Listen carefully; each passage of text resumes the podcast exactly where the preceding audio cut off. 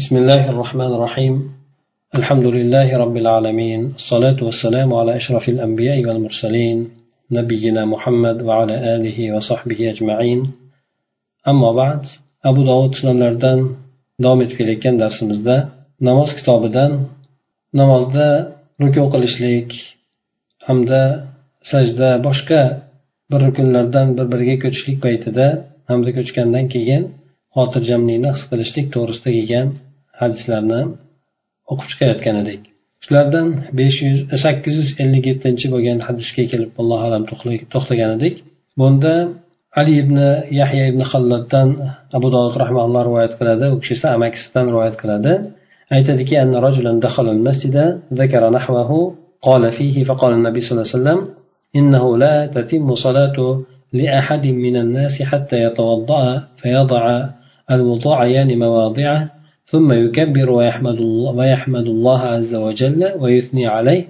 ويقرأ بما شاء من القرآن ثم يقول الله أكبر ثم يركع حتى تطمئن مفاصله ثم يقول سمع الله لمن حمده حتى يستوي قائما ثم يقول الله أكبر ثم يسجد حتى تطمئن مفاصله ثم يقول الله أكبر ويرفع رأسه حتى يستوي قاعدا. ثم يقول الله أكبر ثم يسجد حتى تطمئن مفاصله ثم يرفع رأسه فيكبر فإذا فعل ذلك فقد تمت صلاته يعني yuqoridagi hadislarda boshqa bir rivoyatlarida kelyaptiki bir odam masjidga kirgan hamda o'shalarni orasida qissani orasida aytilgan gaplardan shu ham bo'lgandiki payg'ambar sallallohu alayhi vasallam keyin u odamga aytgan odamlardan birisini o'qiydigan namozi qachon to'liq bo'ladi Hatto bu odam tahoratni olib tahoratni o'zini o'rniga qo'yadi ya'ni mukammal qilib har bir tahorat o'rinlarini e, tahorat qilib chiqadi yuvib chiqadi. So'ng alloh taologa takbir aytadi namozga turib turib takbir tahrim aytadi. Alloh taologa hamd aytib sano aytadi ya'ni boshdagi sanoni o'qiydi. Ana undan keyin xohlagan o'sha qur'ondan xohlaganicha o'qiydi. Allohu akbar deb ruku qiladi keyin. Bo'g'imlari xotirjam bo'lgunigacha deydi. Ruku qilgan paytida bo'g'imlari o'sha har bir bo'g'imlari o'zini o'rniga qaytib ya'ni o'zi joyiga o'rnashib xotirjamlikni his qilgunigacha o'sha ruku qilib turadi. So'ng rukudan keyin samiallohu liman hamida deb turib turadi. Bu yerdagi samiyani ma'nosini o'tgan safarda aytib o'tdik. Bu aja ya'ni alloh taolo ijobat qildi degan ma'nosida bo'ladi. Hamd aytgan odamlarni e, hamd aytishligini alloh taolo ijobat qildi deb samialloh liman hamida degandan keyin bu yerda belini tikalab turadi. Belini tikalab turgandan keyin ana undan keyin allohu akbar deb yana sajdaga qarab ketadi. Sajda qilganda ham xuddi shuningdek har bir bo'g'imlari xotirjam bo'lgunigacha o'sha sajda qilib turadi. Sajda qilib bo'lgandan keyin allohu akbar deb sajdadan boshini ko'taradi. Boshini ko'targan paytida o'tirib beli o'z joyiga qaytadi. Beli tikka bo'ladi. So'ng undan keyin allohu akbar deb yana ikkinchi marta sajdaga boradi. Borganda ham uni bo'g'inlari o'z joylariga joylashib xotirjamlikni his qiladi. So'ng boshini ko'tarib allohu akbar deb turib ketadi. Ya'ni ikkinchi rakatga turadi. Agar mana shu narsalarni qiladigan bo'lsa buni namozi to'liq bo'lgan bo'ladi deb payg'ambar sallallohu alayhi vasallam aytgan ekanlar. Demak bu hadisda ham inson bir rukundan boshqa bir rukunga ko'chishlik paytida xotirjamlikni his qilib o'zini xotirjam tutib olishligi to'g'risida bu o'rinda ham ta'kidlab o'tilyapti. Agar mana shu narsalarni qilib o'tadigan bo'lsa u odamni namozi mukammal bo'ladi. Aks holda namozida ancha kamchilik bo'ladi. Hattoki mana ba'zi olimlar aytadi namozi durust bo'lmaydi deb ham aytishadi. Agar inson qasddan shu narsani tark qiladigan bo'lsa ya'ni xotirjamlikni ko'p mazhablarda vojib deb aytishadi. Vojibni esa qasddan tark qilishlik bu namozini durust bo'lmasligiga olib boradi. Sakkiz yuz ellik sakkizinchi bo'lgan hadis bu hadis ham shu yuqoridagi bo'lgan hadisni boshqa rivoyat yo'lidan kelyapti. Bunda payg'ambar sallallohu alayhi vasallam aytdilarki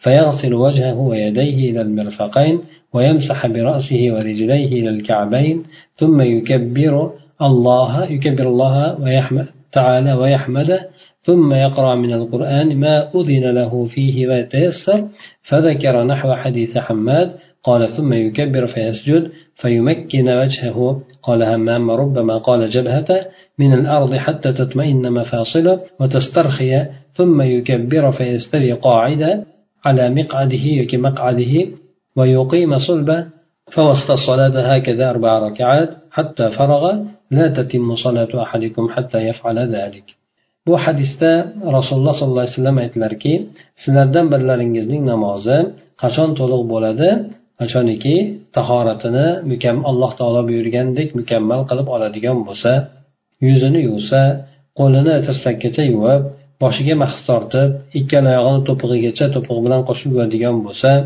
ana undan keyin alloh taologa takbir aytib alloh taologa hamda ya'ni takbir tahrima aytib e, namozga kirgandan keyin alloh taologa hamd sano aytadi.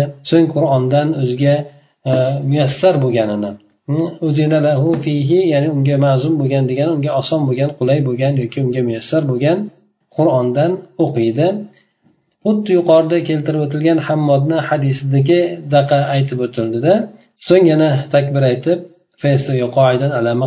ya'ni o'zini o'tiradigan joyiga o'tiradi belini tikka qilgan holatda. Belini tikka qilib o'tiradi. Maqad degani ya'ni o'tiradigan joyini aytadi. O'tiradigan joyini ustiga ya'ni mana boshqa hadislarda keladi chap oyog'ini ustiga o'tiradi o'ng oyog'ini esa tikka qiladi chap oyog'ini to'shab o'tiradi. Ana undan keyin e, payg'ambar sallallohu alayhi vasallam o'sha yerda namozni shunday qilib sifatlab berdilar. Hatto to'rt rakatga yetgunigacha. Keyin namozdan forig' bo'lgandan keyin e, hatto namozdan forig' bo'ladi. Aytdilarki mana shu narsalarni qilmagunigacha birontalaringizning namozi to'liq bo'lmaydi deb qo'shib qo'ydilar. Bu hadisda ham yuqorida aytib o'tilgani kabi inson namozida payg'ambar sallallohu alayhi vasallam tafsiloti bilan bunisida esa tafsiloti bilan aytib bergan ekan tahoratni ham qanday qilinishligi qay tartibda qilinishligi hamda namozni ham yuqorida aytib o'tilgandek e, qanday e, suratda qilinishligini hatto belini tikalashligi e, keyin esa peshonasini sajda yuzini deb sajdaga aytdi boshqa rivoyatda peshonasini deb keltirgan ekan. Peshonasini sajdaga qo'ygan paytida ham o'sha o'rnashtirib qo'yishligi peshonasini shuning uchun peshonasi o'rnashmaydigan joylarga sajda qilishlikdan qaytariladi. Masalan yumshoq bo'lgan joy narsalarga masalan parbolishlar bo'ladigan bo'lsa boshi o'rtashmaydigan ya'ni pastga cho'zilib ketadigan ezilib ketadigan narsalar bo'ladigan bo'lsa ularga sajda qilinmaydi balki peshonasi yerga o'rnashib turadigan narsalarga sajda qilinadi deb aytishadi. O'shanda sajda qilgan paytida ham bo'g'imlari hammasi xotirjam bo'lib bir sukunatni yoki bo'lmasa xotirjamlikni his qiladi.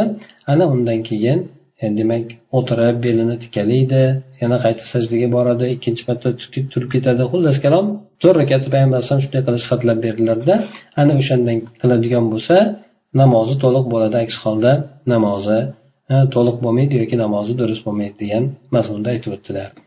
sakkiz yuz ellik to'qqizinchi bo'lgan hadisda bu hadisni yuqoridagi hadisga biroz qo'shimcha qilgan holatda aytib o'tadiki rifoat ibn rofiyadan ya'ni o'sha ali ibn yahya ibn hallatni e, otasi amakisidan rivoyat qilganligi mana shu qissani o'zida keltirib o'tadiki صلى الله عليه وسلم aytganlar إذا قمت فتوجهت إلى القبلة فكبر ثم اقرأ بأم القرآن وبما شاء الله أن تقرأ وإذا ركعت فضع راحتيك على ركبتيك وامدد ظهرك وقال إذا سجدت فمكن لسجودك فإذا رفعت faqud ala fakhidikal yusra demak bu hadisda aytib o'tadiki payg'ambar sallallohu alayhi vasallam agar namozga turadigan bo'lsangiz yuzingizni qibla tomoniga yo'naltiringda takbir ayting. So'ng e, alhamdu surasi bilan alloh taolo muyassar qilgan o'sha o'qishligingizni muyassar qilgan e, qur'ondan o'qing. Endi ruku qiladigan bo'lsangiz e, kaftingizni ichini tizzangiz ustiga qo'ying dedi. Ya'ni kafti ichini tizzasini ustiga suyab qo'yadi hamda bel tomoningizni cho'zib qo'ying dedi. Ya'ni belni tikka tepaga ko'tarib emas balki tekis qilib belni rukuda turgan paytda ham bel e, tepasi tekis bo'lgan holatda cho'zib qo'ying dedi. Agar sajda qiladigan bo'lsangiz sajdangizga o'rnashib qiling ya'ni boshingizni o'rnashtirib o'sha yerga yerga suyab sajda qiling. Agar boshingizni ko'taradigan bo'lsangiz sajdadan ko'targan paytingizda chap soningizni ustiga ya'ni chap oyog'ingizni ustiga o'tiring deb aytib o'tdi. Demak bu hadisda yuqoridagi bo'lgan hadislardan biroz ziyodalik bor ekan. Ziyodalik bo'lishligi e, olimlarni mustalah hadis olimlarini e'tiborida agar u siha tomondan ishonchli odam tomonidan ziyoda bo'ladigan bo'lsa hamda yuqoridagi bo'lgan rivoyatlarga muxolif bo'lmaydigan bo'lsa unda ziyoda keltirilgan rivoyatni olimlar qabul qilinadi deb aytishadi. Ana o'shanga ko'ra bu hadis ham hasan darajasidagi hadis ekan. Demak bu maqbul bo'lgan hadis hisoblanadi. Shunga ko'ra bu hadisda kelgan ziyoda yuqoridagi bo'lgan aytilgan mujmal qilib ketilgan o'rinlarni tafsilotini aytib o'tyapti. Ana ulardan birisi inson qiblaga qaragan holatda bo'lishligi yoki umumiy suratda qur'ondan o'qing deb yuqorida keladigan bo'lsa endi pastdagisida esa alhamdu surasi bilan e, zan surani o'qishlikka mana bu yerda buyurilyapti. Undan tashqari rukuga turgan paytida ham qo'lini tizzasini ko'ziga suyab qo'yishligini hamda orqa tomonini belini cho'zib qo'yishligini mana bu yerda aytib o'tyapti.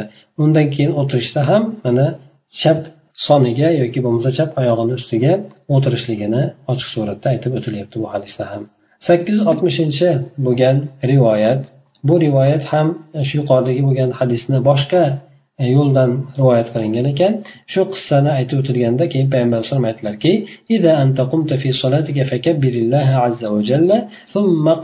ما تيسر عليك من القرآن وقال فيه فإذا جلست في وسط الصلاة فاطمئن وافترش فخذك فخذك اليسرى ثم تشهد ثم إذا قمت فمثل ذلك حتى تفرغ من صلاتك agar siz namozingizda turadigan bo'lsangiz namoz o'qishlikka turadigan bo'lsangiz takbir ayting Ya'ni alloh taologa allohu akbar deb takbir aytib namozni bog'lang. So'ng sizga qur'ondan muyassar bo'lganini o'qing va ana shu deb aytib o'tdida shu rivoyatlarni orasida yana payg'ambar alayhisalom aytib o'tgan ekanki namozni o'rtasida o'tiradigan bo'lsangiz xotirjamlikni his qiling. Namozni o'rtasi demak uch rakatli yoki to'rt rakatli bo'lgan namozlarda ikkinchi rakatda o'tirishlik. Ana o'tirgan paytida ham demak inson xotirjamlikni his qilib o'tirishligi. Chap oyog'ini to'shashligi ya'ni chap oyog'ini ustiga o'tiradida keyin undan keyin o'ng oyog'ini tikkalaydi boshqa rivoyatlarda keladi. Tashahhudni aytadi ya'ni tahiyatuni o'qiydi. Agar o'sha narsalarni ya'ni agar turib ketadigan bo'lsa ham xuddi shunday qilib davom ettiriladi hattoki namozingizdan to'liq tugaguningizgacha namozni to'liq ado etguningizgacha deb aytib qo'ydi. Mana bu rivoyatda ham biroz ziyodalik bor ekan. Bu ziyodalik bo'lganligi uch rakatli yoki to'rt rakatli bo'lgan namozlarda ikkinchi rakatda o'tirishlik. O'tirgan paytida inson tahiyat uchun o'tiriladi. Bu o'tirishligi e, vojib sanaladi. Bu yerda ham albatta xotirjamlikni inson his qilishi kerak. Hamda o'tirgan paytida chap oyog'ini ustiga o'ng oyog'ini tikalab turib o'tiradi.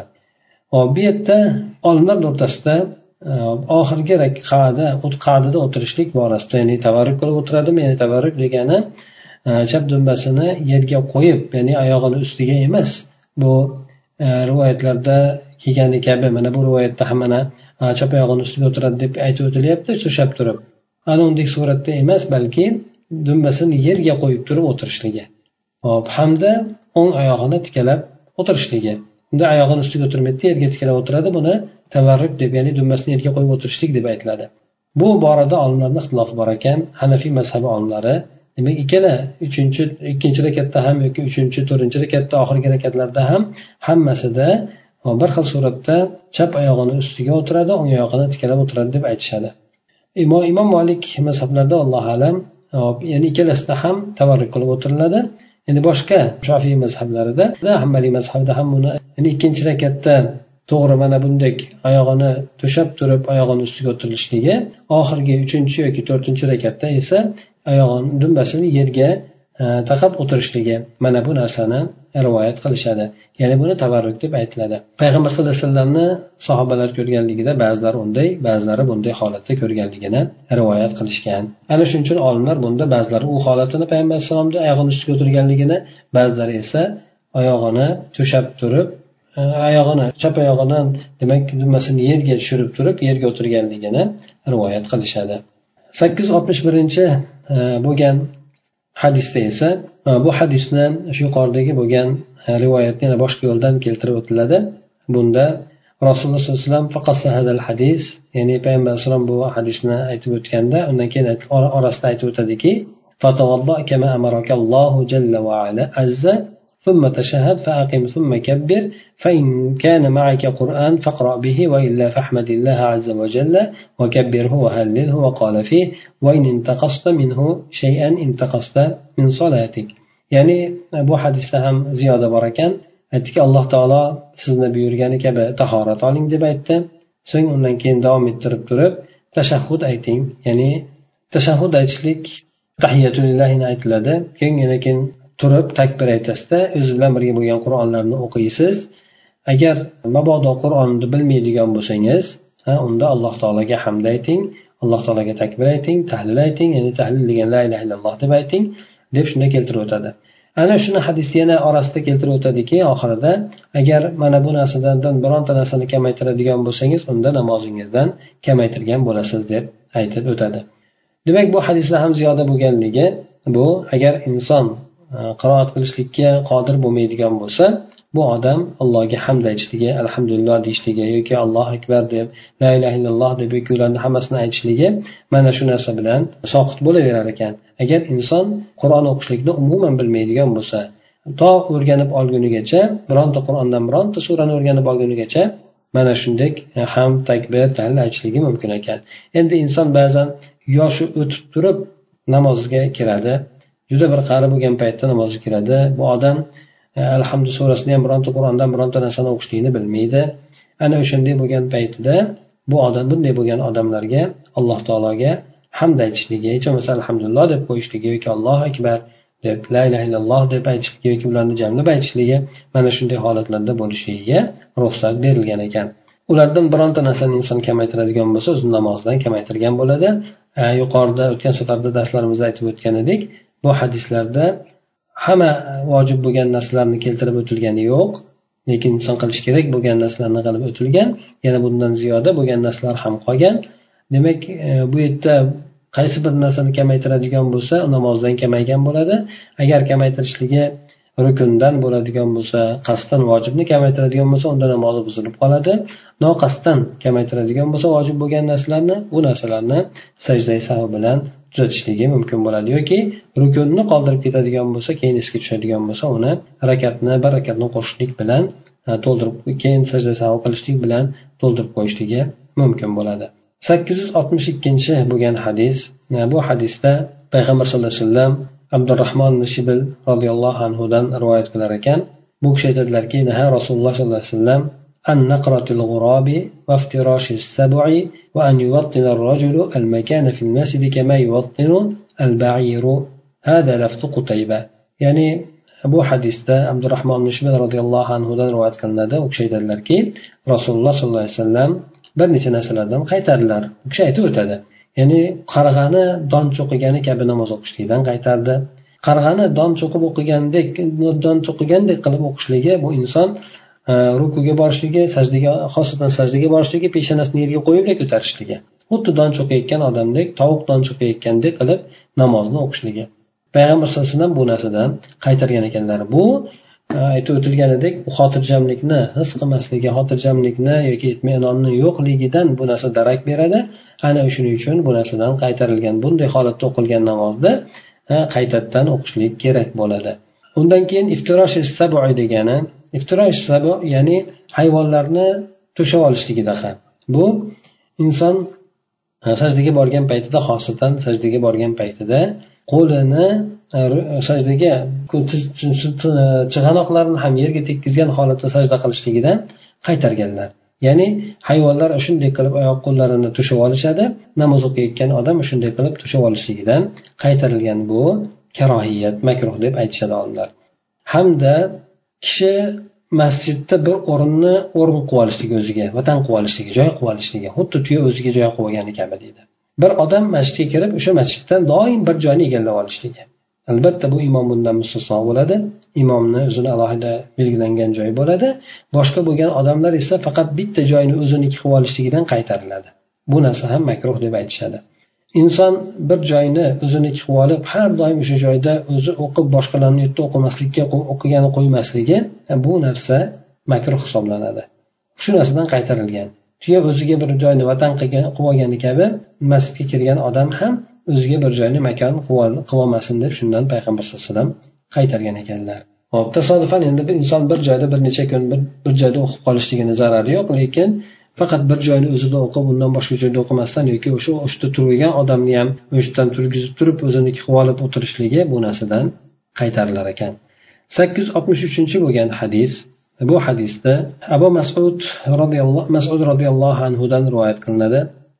U kishi aytadilarki solim barrot ya'ni uqbat ibn amir ansoriy roziyallohu anhuni oldiga kelib biz u kishiga aytdikki bizdan bizga payg'ambar sallallohu alayhi vasallamni namozi haqida aytib bersangiz dedi. Shunda u kishi masjidni ichida oldimizda turdilar. Takbir aytdilar. Ruku qilgan paytlarida tizzalarini ustiga qo'llarini qo'ydilar. Ya'ni tizzasini ko'ziga qo'llarini gala qo'lini qo'ydi. Barmoqlarni esa o'shandan ko'ra pastroqqa qildi. Ya'ni tizzasigini ustiga kaftini qo'ygandan keyin barmoqlari tizzasini ostiga osilib turadi endi. Ya'ni tizzasini ostini ushlab turadi. Ikkita tirsakini orasini uzoqlashtirdi. Ya'ni beliga yaqinlashtirmadi. Ruku qilgan paytida ikkala qo'llarini beliga yaqinlashtirmadida balki belidan uzoqlashtirdi. Hatto undagi bo'lgan payg'ambar bo'lgan hamma narsa qaror topdi. Ya'ni u kishi ya'ni o'sha payg'ambar alayhisalomni namozni ko'rsatayotgan sahobiy abu masud roziyallohu anhuni sifat namozini sifatlab beryapti. U kishi payg'ambar alayhisalomni qanday namoz o'qiganligini o'sha tobiinlarga bu kishi aytib berayotgan edi. Shunda roviy aytadiki u kishini hamma a'zolari o'z qarorini topdi xotirjamligini his qildi. Ruku o'qigan paytida. Ana undan keyin samiallohu liman hamida deb turib o'rnlaridan turdi. Hatto u kishidagi hamma a'zolari bo'g'imlari qaror topdi xotirjam bo'ldi so'ng yana takbir aytib sajdaga bordi sajdaga borgan paytlarida ثم جاف بين مرفقيه حتى استقر كل شيء منه ثم رفع رأسه فجلس حتى استقر كل شيء منه ففعل مثل ذلك أيضا ثم صلى أربع ركعات مثل هذه الركعة فصلى صلاته ثم قال هكذا رأينا رسول الله صلى الله عليه وسلم يصلي bu kishi demak sajdaga bordi. Sajdaga borganda kaftlarini yerni ustiga qo'ydi. Ikkita tirsagini orasini uzoqlashtirdi. Ha ya'ni beliga yaqinlashtirib olgani yo'q balki tirsaklarni o'zidan uzoq qildi. Qo'llarini o'zidan uzoq qildi tirsaklarigacha. Ana undan keyin xotirjamlikni his qildi. Ya'ni hamma a'zo o'z o'rnini topdi yoki qaror topdi. So'ng sajdadan boshini ko'tardi. O'tirdi. O'tirganda ham hamma a'zosi qaror topdi xotirjamligini his qildi. Mana shunga o'xshagan narsani yana qilib so'ng to'rt rakat namoz o'qidi xuddi birinchi rakat kabi deydi. Namozini tugatgandan keyin aytdiki biz rasululloh alayhi vasallamni mana shuningdek namoz o'qiyotganligini ko'rgan edik deb qo'ydi. Demak mana bu hadis orqali yana yuqoridagi bo'lgan rivoyatlarda aytib o'tilgan namozni holatlariga yana ziyoda bo'lgan narsalar aytib o'tildi.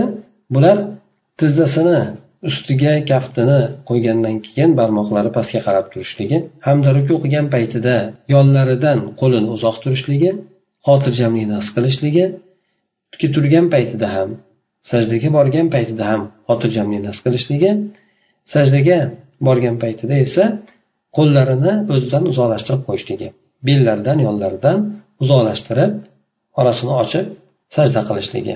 Mana bu narsa ham bu yerda aytib o'tildi. Hop bundan keyingi bo'lgan hadis bir yuz qirq to'qqizinchi bob ekan. Bunda abu dovud rahmanulloh aytadilarki babu qavli nabiy sallallohu alayhi vasallam kullu salatin la yutimmuha sohibuha tutammu min tatawwu'i. Har bir namoziki sohibi agar to'liq qilmaydigan bo'lsa uni o'qigan nafl namozlardan to'ldiriladi degan payg'ambar alayhisalomni so'zlarini keltirib bob qilgan ekanlar. Sakkiz yuz oltmish to'rtinchi bo'lgan hadis bu hadisni ibn ziyod madinaga kelganligi ibn ziyoddan qo'rqib anas ibn hakim dobiy kelganligi ziyod bu o'sha tobiylardan bir askar qo'mondoni bo'lib bu sal beshafqatroq bo'lgan ana o'shandan rivoyat qiluvchi qo'rqqanligidan qo'rqib o'sha madinaga kelganda keyin abu hurayra roziyallohu anhuga uchragan ekan aytadiki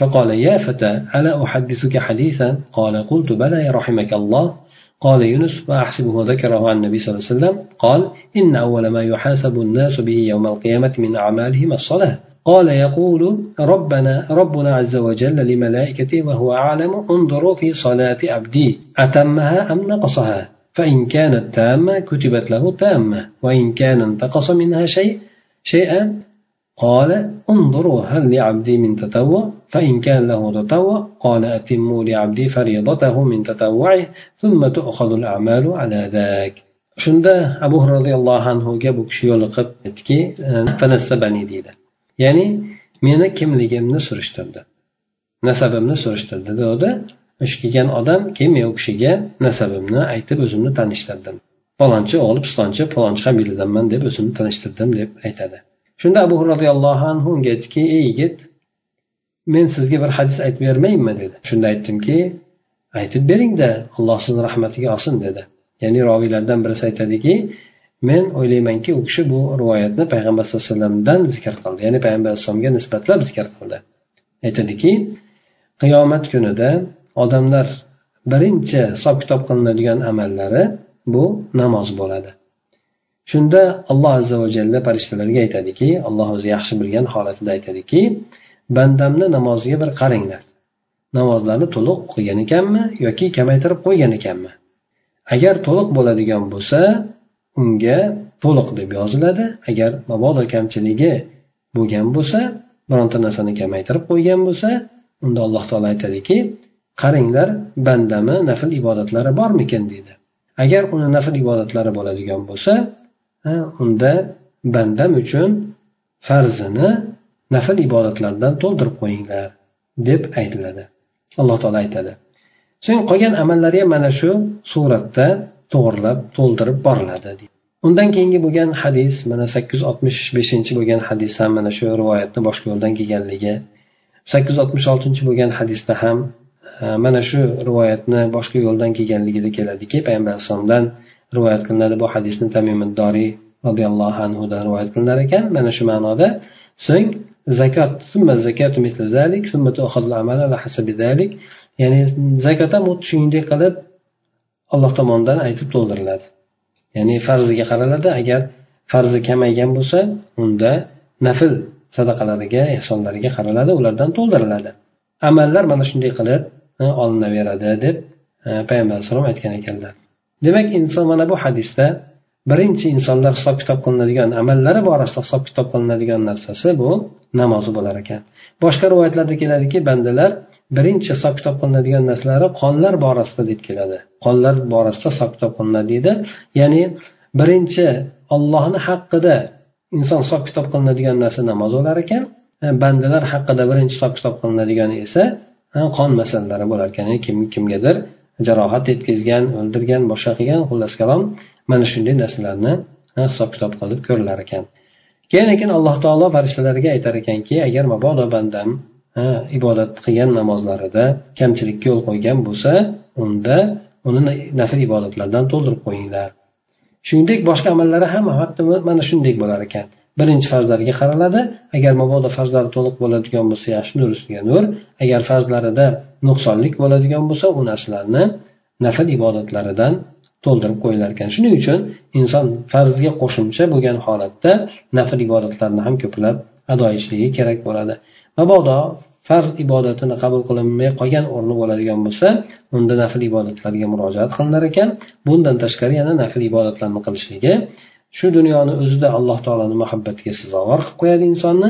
Oxiratda esa e, tarozi pallasini ajri qo'yiladigan tarozi pallasini og'ir bo'lishligiga yoki og'irroq bo'lishligiga sabab bo'ladi. Inson demak mana shu yerda namozlarini diqqat bilan o'qishligi ho farz namozi bo'lsin ho nafl namozi bo'lsin albatta farz namozi juda e'tiborli sanaladi. Alloh taolo unga juda katta ajrni beradi. Xuddi shuningdek nafl namozlarini ham inson e'tiborsizlik qilmasdan parvo qilib buni rukularga shularga qilib o'qishligi mabodo farzidan kamayib qoladigan bo'lsa nafldan to'ldirilar ekan mabodo kamaymagan taqdirda ham o'qigan qilgan e, nafl ibodatlariga alloh taolo tomonidan alohida ajrlar berilar ekan سبحانك اللهم وبحمدك نشهد أن لا إله إلا أنت نستغفرك ونتوب إليك اللهم انفعنا بما علمتنا وعلمنا ما ينفعنا وزدنا علما